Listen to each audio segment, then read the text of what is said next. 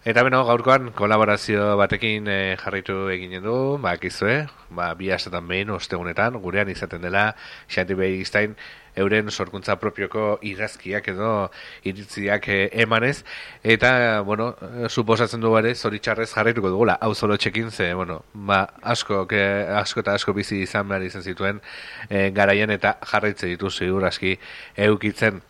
Ba, bueno, honetaz solasteko dugu ja da prest telefonaren bestaldean, eta ongi etorri emanen diogu, irati, irratiko guinetara, xanti, egunon, zer moduz? Berdin, berdin, emeko, zongi. Bai, bai, haipatu dituzu hau solotxako mm -hmm. gertara hauek, eta ez egin kalkulatzen dut. Mm -hmm. Horrein di beste amaboste dogei geldituko dira. Ba, bai, bueno, aipatu dugu, ez ere, zoritxarrez ere, jarritzen direla, hau zolo ematen, ez? ez direla, eten behintzat, ez? Bai, bai, bai. Bai, gutxien, espero den lekuan, mm -hmm. gertatzen dira, bai. Mm -hmm. Eta, bueno, mm -hmm. aurreko urtetan gertatu zizkit, eta... Mm -hmm hemen ze, ari nahiz kontatzen txikoa. Hori da, gaurkoan, e, okerez banago, berroita sortzi garren atala izanen da, hau berroita sortzi garren atala izanen da, eta bueno, ze esanen diguzo, ba, zein den, eta neba oso hasi ja kontatzen. Olzen ba, bai, esan duzun bezalaxe, ongi esan duzun bezalaxe, berroita sortzi garrena da, eta izenburua jarri nion, iruñeko udal harrerak, eta hasiko naiz.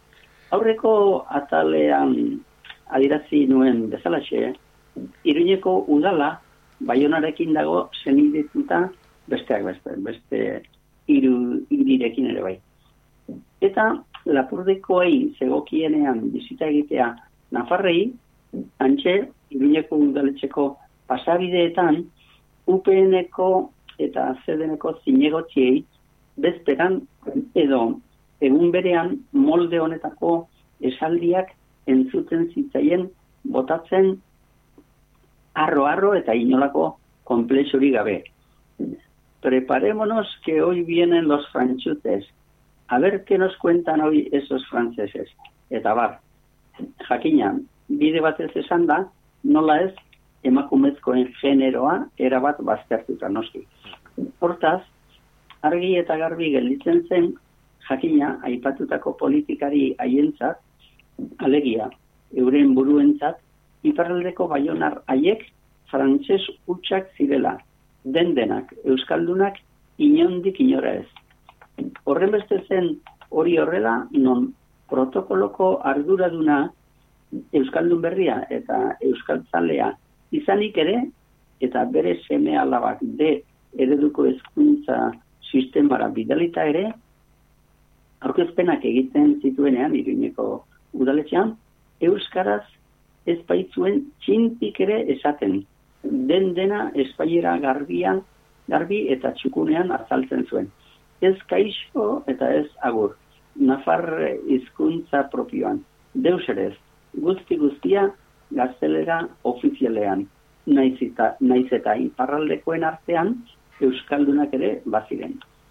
Nik ez dakit seguru zergatik jokatzen zuen ala protokoloko arduradunak. Olo guztia ondia xamarra zelako, frantzesari eta espainierari errespetu handiegia zielako, ala UPN-eko eta UPN eta ZDN-eren agindu eta mehatxuen gati. Ziur jakin gabe ere, nik azkeneko horren alde eginen nuke. Ez gutxitan esan da, Iruñeko udalak interprete bat jarri oizuen Baionako alkate eta zeinigozientzat frantseseko interpretea.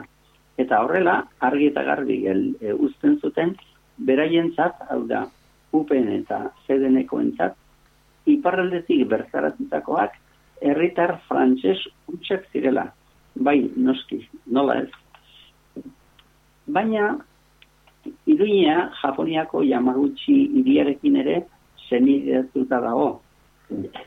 Eta haien ordezkari politikoak Iruñeko udaletxera joaten zirenean ere berdintxu jokatzen zuten hau da.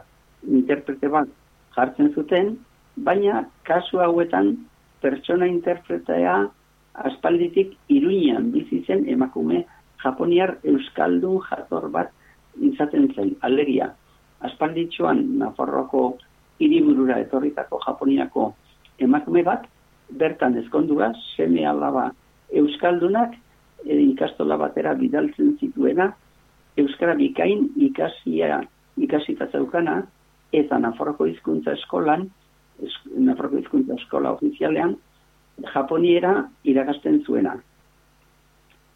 Egun haietan, hau da, Japoniarrak e, etortzen zirenetakoetan, nik emakume interpretearekin Euskaraz egiten nuen denen aurrean atsegin handiz inolako disimulu eta komplexuri gabe.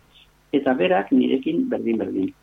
Baina kontuan eduki behar da, bitartean UPN-eko eta zedeneko zinegotziak eta baita alkate Andrea Berberare antxe aritzen zirela Iruñeko eta Nafarroko euskaltasuna eta beren jatorrizko izaera guztiak eskutatu eta ukatu nahian. Mhm. Eta aran non, aldi berean, udaletxeko arredagela nagusiak batean, Japoniar emakume ospetsu bat euskara zaritzen zen naturaltasun osoarekin. Mhm. Azerrenbako kontrasteak eta kontraesanak nafar politikari atzerakoi eta lotxa emangarri haiena. Eta Iruñeko politikari Espainiar zale arrosko haien egitan dien ondoren, bikasuetan ere, hau da, baionakoekin eta jamagutxikoekin, iriko gotorlekura joaten ginen bazkaltzera. Bazkari haiek ere, esan gabe doa, denen diruarekin ordein duta jakina. Sarreran, noski, han ere, oztopo arkitektoniko batez edo bestez, enintzen libratzen, baina dena den hemen beste kontu bat azpimarratu nahi dut. Alegia, Baskaria, Baskariaiek bukatutakoan, jartzen zituzte, zizkiguten abesti guzti guztiak erdaldunak eta oso espainarrak zirela.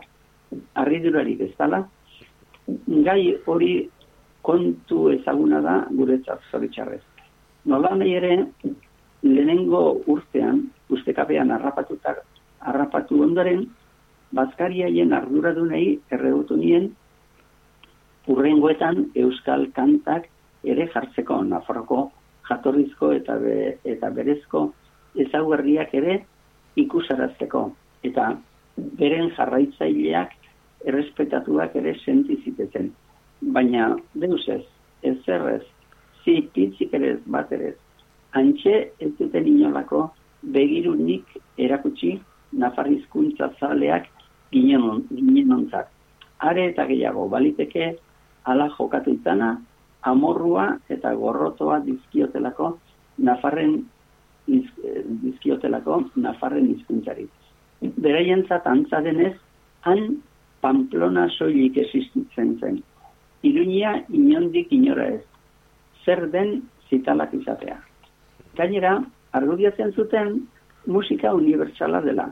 Eta jakina, horretan arrazoi oso zuten. Hori ez zien inortxok ere ez da zen. Horrela baita planeta osoan.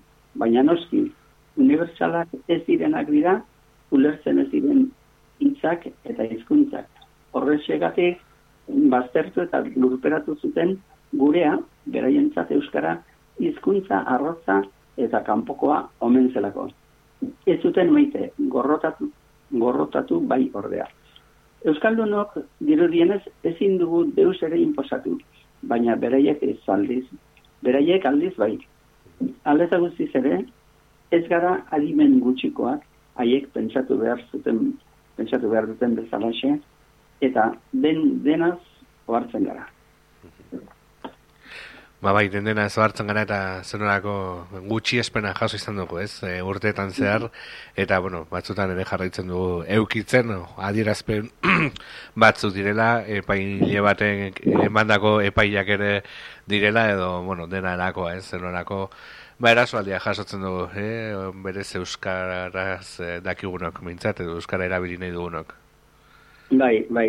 Eta, ni, eh, izatez iruñekoa enaizen ezkero, uh -huh. enaizen ezkero ba, bueno, e, e, e, uste haietan pasatuko, bueno, lehen urtean, edo lehen urtean, ba, honen naiz, ekitaldi guztietara, eta, eta guzteko, eta bat, Eta, bueno, kasu horretan nahi ez, bazkari hartara, digarren urtean, joan nintzen, ea, jaramon pixka batera kaso pixka bat egiten ote zuten, baina ez zuten deus ere kasurik egin, eta bueno, uste dut handik aurrera enintzela joan bazkari gehiagotara. Ez jasateko lako mespretxu. Hala, xe da, hala, xe da, be, ez, e, olako tokitan, e, ez egun, zeta, azkenean, ba, bueno, bakoitzaren ez, aserrea e, gorpuzteko balio du e, kontua garreta, hobe, ba, maite zaituen e, jendearekin eta maite zaituzten tokian e, egotea batzutan, hala ere. ba, nik uste du, ez dakit, ez dakit egiten zuten gehiago izorratzeko, baina, bueno, ez dakit, jartzen zizkiguten Manolo Escobarrena, eta bai. olako, bat ere, neutroak ez ziren abestiak eta mm musika. Bala da, bueno, ba, hemen txegeratzen da, e, gaurko hau zolotxa, e, xanti behir izan, mi esker, gurean egon izanagarik, plazar bat izan da, eta hoxen, ba, bi aste barru, bueltan gaude, bezarka bat, eta zain du? Osongi, gurren guarte bai, agur.